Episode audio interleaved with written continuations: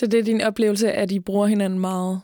Ja, og sådan, man skriver ud, jeg er ikke sikker på, at forstår det her, kan det her bøjes i datid, og sådan nogle ting. Og folk er også super gode til bare at spørge åbent i undervisningen. Der er ikke den der fare med, at åh oh nej, hvad hvis læreren hun tager mig? Fordi der er altid nogen, der har en tryk, og så kan svare på det, eller kan forklare det på en måde, som man kan forstå.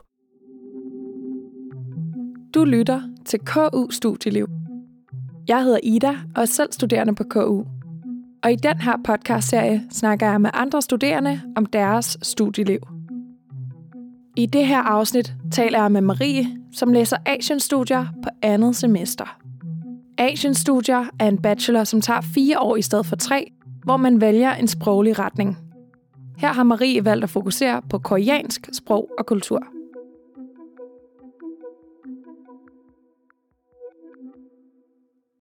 Marie, vil du ikke lige starte med at forklare, hvordan Korea-studier hører ind under Asien-studier, og hvordan Asien-studier generelt er opbygget? Asien-studier er opbygget af Kina-studier og Japan-studier, Korea-studier, og så Mellemøst-Asien og Indien-studier, mener jeg, det er. Så det er alle asiatiske fag med de store lande med Japan og Kina og Indien, hvor man så lærer om sprogene og kulturen på de forskellige lande. Så jeg har bare valgt at fokusere på Korea. Og når du så læser Korea-studier, har du så noget med de andre studieretninger at gøre, eller er I meget opdelte? Hele vores intro-uge fungerer sammen, hvor at vi er blandet sammen alle fra Asien-studier. Og øhm, så har vi asiatisk fagråd på vores studie, og hvor at vi mødes og har filmklubber og diverse, hvor man både ser kinesiske film og japanske film, sådan så man får mulighed for at prøve forskellige ting. Så det er ikke bare adskilt, fordi at deres historie, kultur og sprog er også ret connected, så det giver god mening, at man bruger noget tid sammen en gang imellem. Men selve undervisningen, den er opdelt alt efter, hvad, hvad man læser specifikt i sine studier. Super. Vil du ikke lige prøve at fortælle lidt om din vej til studiet? Hvorfor valgte du at læse det? Jeg har altid været meget sproglig interesseret, og jeg godt kunne lide grammatik, og jeg var, har altid tænkt, at jeg måske gerne vil lære et asiatisk sprog, men jeg har altid været lidt intimideret af, hvor meget arbejde det så ud til at være, og hvor meget selvdisciplin det vil kræve at gøre det. Så på grund af det, så valgte jeg at blive naturvidenskabelig i gymnasiet og tænkte, det kan man nok bruge til mere. Og så startede jeg først med at læse biologi direkte efter gymnasiet og fandt ud af, at jeg elskede, vil jeg faktisk sige, grammatikken så meget, at jeg havde brug for at læse sprog i stedet for. Men jeg følte mig stadig ikke klar til at commit mig til at læse Korea-studier, selvom jeg må ind og kigge på den hver eneste gang, jeg skulle søge. Så efter at have læst biologi i et halvt år, så læste jeg dansk i et år, hvor jeg fandt ud af, at der er ikke nok grammatik. Jeg kan bedre lide grammatik, men jeg kan lide kommunikation. Og så begyndte jeg at lære det koreanske alfabet Hangul, efter at en forelæser havde snakket om det i forbindelse med, at vi havde haft om fonetik, så lærerne om lyd. Og så bagefter så tænkte jeg, nu jeg lytte til min mavefornemmelse. Og så tog jeg springet, og jeg har virkelig glad for, at jeg tog det. Sejt. Så det var simpelthen noget, der sådan har trukket i dig egentlig ret længe. Ja. Hvad, øh, ja, hvad var det, der holdt dig tilbage? Måske var det fordommene med, at jeg var bange for, at jeg ville komme ind med en masse career boost, som havde nogle andre interesser end mig, og at det ikke var noget, man læste for at lære sproget, det var mere noget, man læste for at lære om kulturen. Det er så blevet modbevist i, at sproget er en super vigtig del i forhold til at kunne forstå kulturen, fordi at man læser kilder, og man lærer at forstå, hvordan sproget det fungerer, og hvordan det har været vigtigt, når de har haft politiske forhandlinger og sådan nogle ting, fordi at skriftlig kinesisk dominerede rigtig meget, og opfindelsen af det koreanske alfabet først kom ret sent i 1400-tallet. Så det har været sjovt at blive modbevist. Det har selvfølgelig været rart. Jeg vil ønske, at jeg havde gjort det noget før. Er der mange, når de starter på Korea-studier, der så har en eller anden sproglig forudsætning i forvejen, eller starter man alle sammen fra scratch? Det er meget forskelligt. Folk kommer med meget forskellige baggrunde. Der er selvfølgelig nogen, der har lært det af sig selv, har siddet med det og lavet selvstudie på det. Der er nogen, der har været på højskole og har lært det, har været i udlandet, og så er der nogen, der kommer, det gjorde jeg blandt andet, jeg kom helt fra scratch, og skulle, hvad hedder nu, lære det forfra.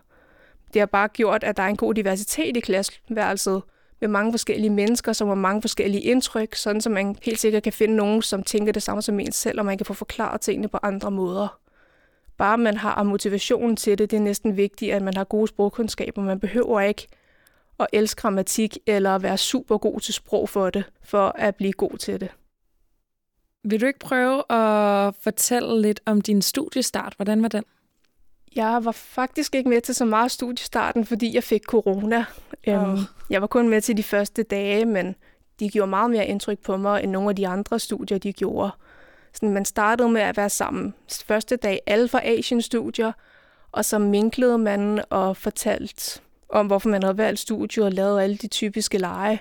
Det var på en eller anden måde sådan lidt betryggende, fordi man vidste jo ikke, hvem det var, man kom til at gå i klasse med, når man gik rundt men det var også meget sjovt at se, at der var så mange mennesker, der faktisk var virkelig, virkelig mange på Asian-studier, og det er ikke bare sådan en lille bit studie, hvor der kun kommer tre studerende hvert år. Og så, hvad hedder det nu, øhm, se hvor forskellige folk de også er. Det er ikke bare den her stereotyp, men det er kun af dem med farvet hår, der kommer ind, og som er sådan lidt særlige. Der er alle mulige forskellige folk.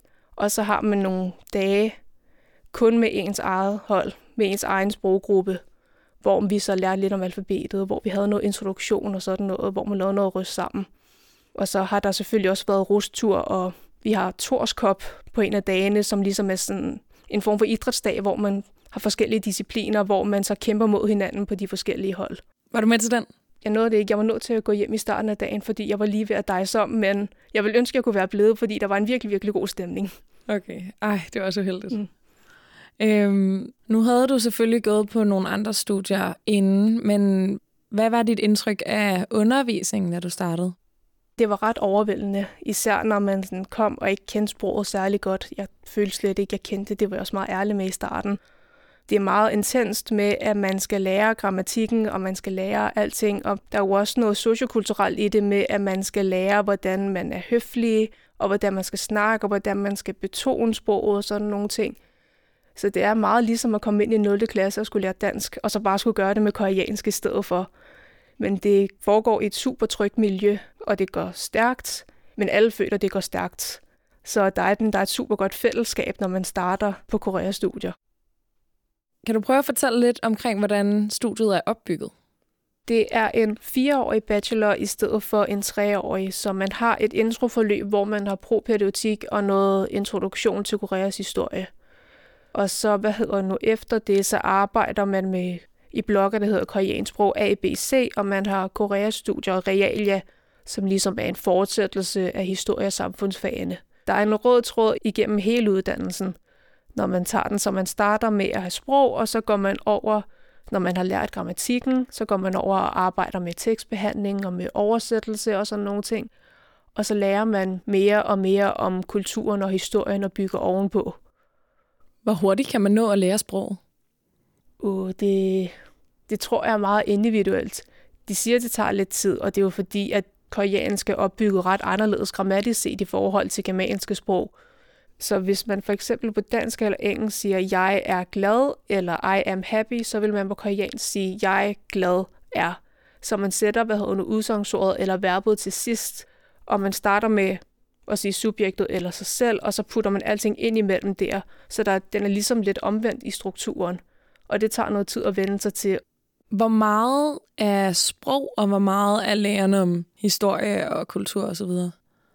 Over hele bacheloren, så er det 50-50. Men her i starten, når man har propædeutik, det er jo et sprogkursus, som skal forberede os til at kunne arbejde med sproget, så der er betydeligt mere grammatik og sprog, end der er historie. Hvis vi har en 16 undervisningstimer om ugen, så vil 12 af dem være sprog, og 4 af dem være historie. Så det tager lidt mere tid. Der er lige noget fundament, der skal på plads. Ja, men det giver også meget god mening, at det er sådan lidt mere intenst, at man gør det, og historien det er sådan noget, der kommer lidt hen ad vejen. Det er også meget rart, at man ikke skal stresse så meget i historiefagene. Der er ikke lige så meget, man så skal læse. Og der er en fin rød tråd igennem hele alt det, man gør. Så det er meget fint, at det foregår sådan. Og er der også indlagt tid til et udvekslingsophold? Ja, der er et obligatorisk hvad hedder nu, udvekslingsophold på femte semester, hvor man skal til Korea og gå på et venskabsuniversitet og være der et semester. Så kommer man ind i et rigtigt klasselokal, kun med koreanere, hvor de kun snakker koreansk, og så bliver man kastet ud i det med, at man skal snakke koreansk hele tiden. Men når det først er på femte semester, så har man jo et godt fundament til at kunne klare det. Er man så afsted sammen med nogen, eller bliver man sendt ud til en masse forskellige universiteter? Man er typisk sammen med nogen. Der er flere forskellige universiteter med et ekstra antal pladser. Så man prioriterer ligesom man gør, når man søger på uni her i Danmark, og så bliver man fordelt, men man plejer typisk at være sammen med nogen, fordi det vil være skræmmende at skulle tage til Korea, især hvis det er første gang, og så ikke have nogen, man kender. Glæder du dig til at skulle på udveksling, eller hvordan har du det med det? Jeg, jeg er spændt. Hvad hedder nu lige nu, når man sidder med grammatikken for sig selv, så kan det godt virke meget intimiderende at skulle ud, når man føler, man ikke engang kan. Nogle gange så glemmer man at sige, mit navn er. Men jeg tror også, det bliver spændende, fordi der, når man har snakket med andre studerende, som er længere i uddannelse, siger de, man føler ikke rigtigt, at det mundtlige kommer på plads, før efter man har været på udveksling.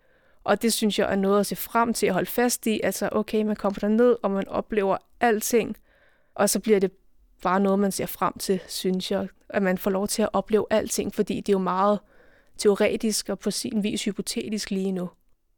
Er det meget den sproglige del, du stadig er meget interesseret i, eller glæder du dig også til at have noget mere historie og nogle kulturfag? Jeg blev overrasket over, hvor godt jeg kunne lide historiefaget, da jeg startede, fordi jeg har aldrig været særlig historieinteresseret, og kunne faktisk ikke så godt lide historie eller samfundsfag, da jeg gik i gymnasiet. Men øhm, det var sjovt at se, at det var så anderledes, den måde, de gjorde tingene på. Det der med, at de har haft dynastier, og de har haft kejsere, og de har haft forskellige huse og sådan nogle ting, og det har været et meget socialt opdelt samfund, de har haft. Og så valgte jeg også at fokusere på, fordi vi skulle skrive en afløsningsopgave om et selvvalgt emne i historie, så valgte jeg også at fokusere på sproget, så der er mulighed for stadig at forme det sådan, som man gerne vil have det. Men nu glæder jeg mig også til at komme i gang med historie på det her semester, og så lære videre på det, som vi har lært om. Men grammatik er min bag, og det tror jeg altid, det vil være. Sådan. Det er fantastisk at høre nogen, der har det på den måde.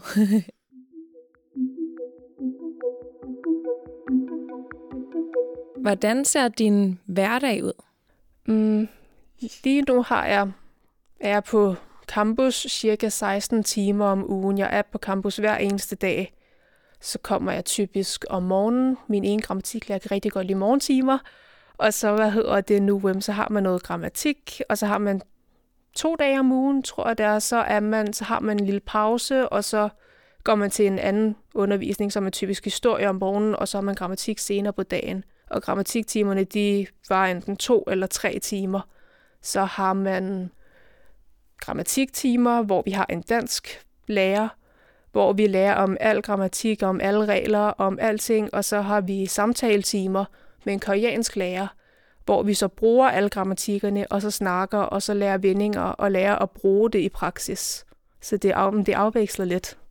Og hvor meget læsning er der så? I forhold til selvstudie, sådan, læsmængden er ikke særlig stor, men forberedelsen og bearbejdningen og forberedelse og efterbehandling, det er der ret meget af, hvor man ligesom skal forberede sig og ligesom sige, okay, grammatikken er sådan her, så kommer man til undervisning, og så hører man faktisk, hvad læreren siger, og så er man lige nødt til at arbejde med det igen, når man kommer hjem for at sikre sig, at man faktisk har forstået det. Så det kræver noget selvdisciplin at kunne sætte sig ned. Men der, så længe man har motivation, så tror jeg sagtens, det kan gå, fordi at man griner, man griner meget af, at man kan lave sjove sætninger om de ting, man lærer, så der er noget socialt i det også, at man så siger, jeg kan huske den der grammatiske regel, fordi vi sagde det her i den her time, det var altså sjovt. Så det, det føles ikke som så meget, men hvis man lægger det op i timer, så er det faktisk ret meget, man læser. Har I også sådan grammatikøvelser eller nogle opgaver, I skal aflevere? Ja, vi har en fast aflevering om ugen. Sådan en lille aflevering, hvor man får et emne. For eksempel på første semester, så skulle man først præsentere sig selv, så skulle man præsentere en ven, så lærte man om præpositioner og sådan noget, og så skulle man fortælle om sin, sit værelse eller sin lejlighed eller sådan noget, og så bygger man ligesom ovenpå.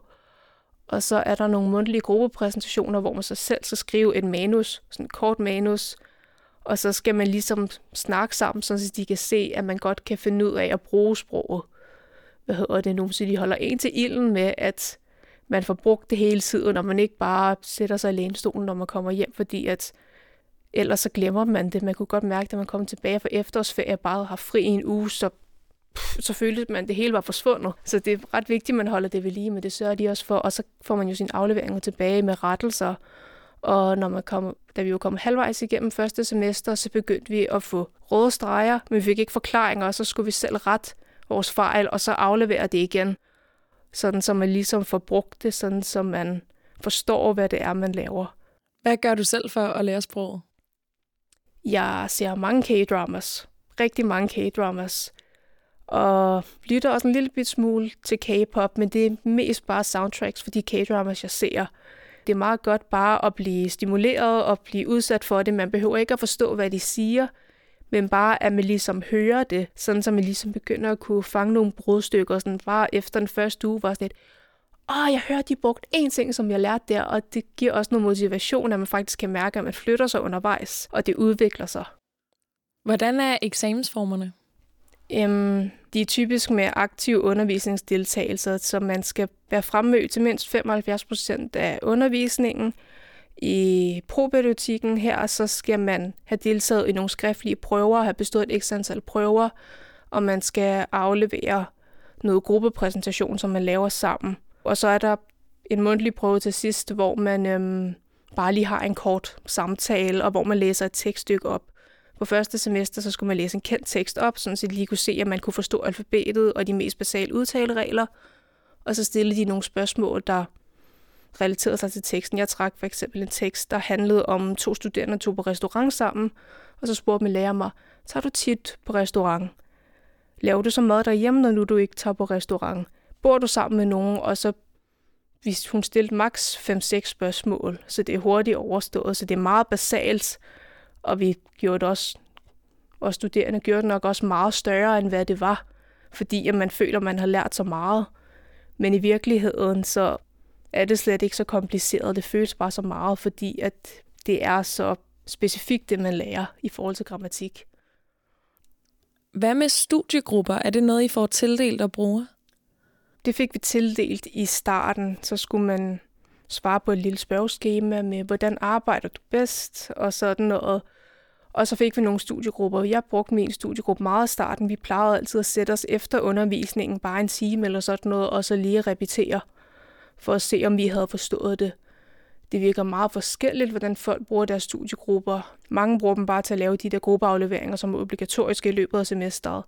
Men det er meget rart at have nogen at skrive til og kunne spørge, hvis man er i tvivl om noget. Men når vi også er så tætte, som vi er, og det sådan ligesom er så intensivt, så det er ikke unormalt, man bare spørger ud i klassechatten, i stedet for, så vi på en eller anden måde en stor studiegruppe samlet, hvor vi så deler lidt op nogle gange. Men det, det er meget intimt på studiet, så det med studiegrupper tror jeg ikke fungerer helt på samme måde her.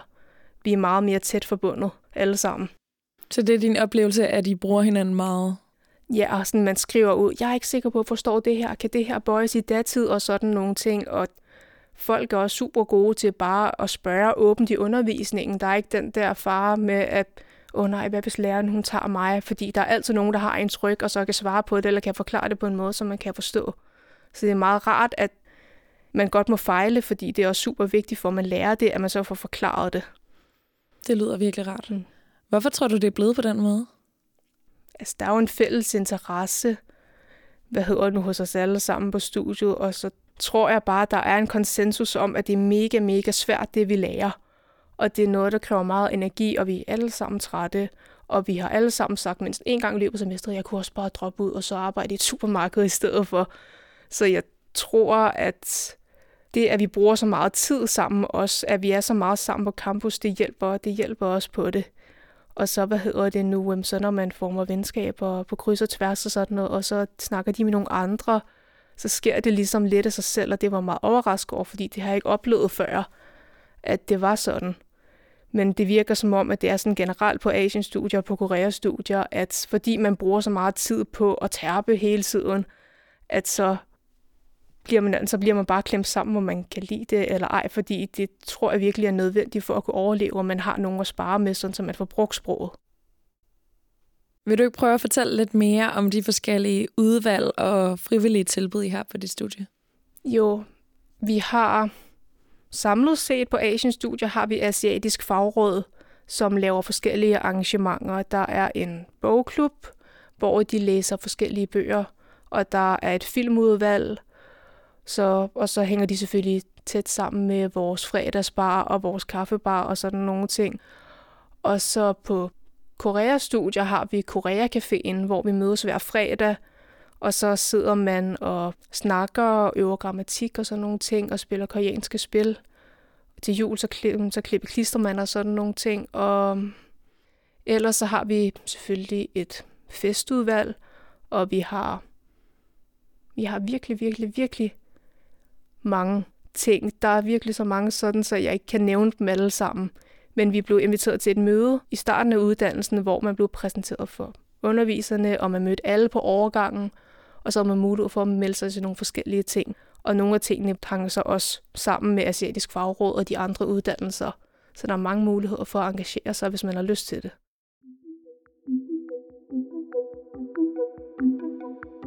Er der noget, der har overrasket dig ved studiet?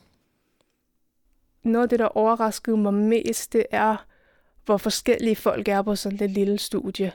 At vi kom ind til introen og blev spurgt, hvorfor I så valgte at læse Koreas studier, og der var alt fra, at jeg er mega interesseret i Nordkoreas historie til, jeg så Squid Game sidste år, synes det var sjovt, så nu er jeg her. Der var et meget stort spænd.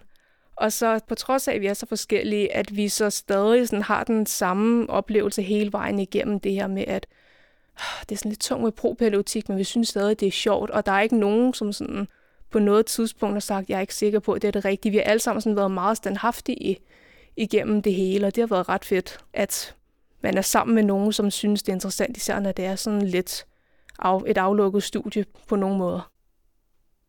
Når man har læst Korea-studier, hvilke forskellige retninger kan man så gå i? Hvad kan man ende med at arbejde med?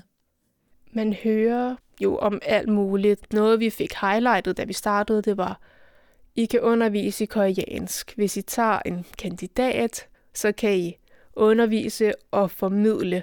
Og det er noget, de siger, der er meget større efter, stor efterspørgsel på folk, der kan finde ud af at snakke deres de sprog, især koreanske i de her tider, at man så kan komme ud og hvad hedder det nu, øhm, arbejde i alle mulige forskellige funktioner med, at man kan arbejde i virksomheder, som har afdelinger i Korea, eller man kan arbejde i koreanske virksomheder, eller man kan, så kan man selvfølgelig forske, hvis man har lyst til det. Det er der også rig mulighed for at gøre.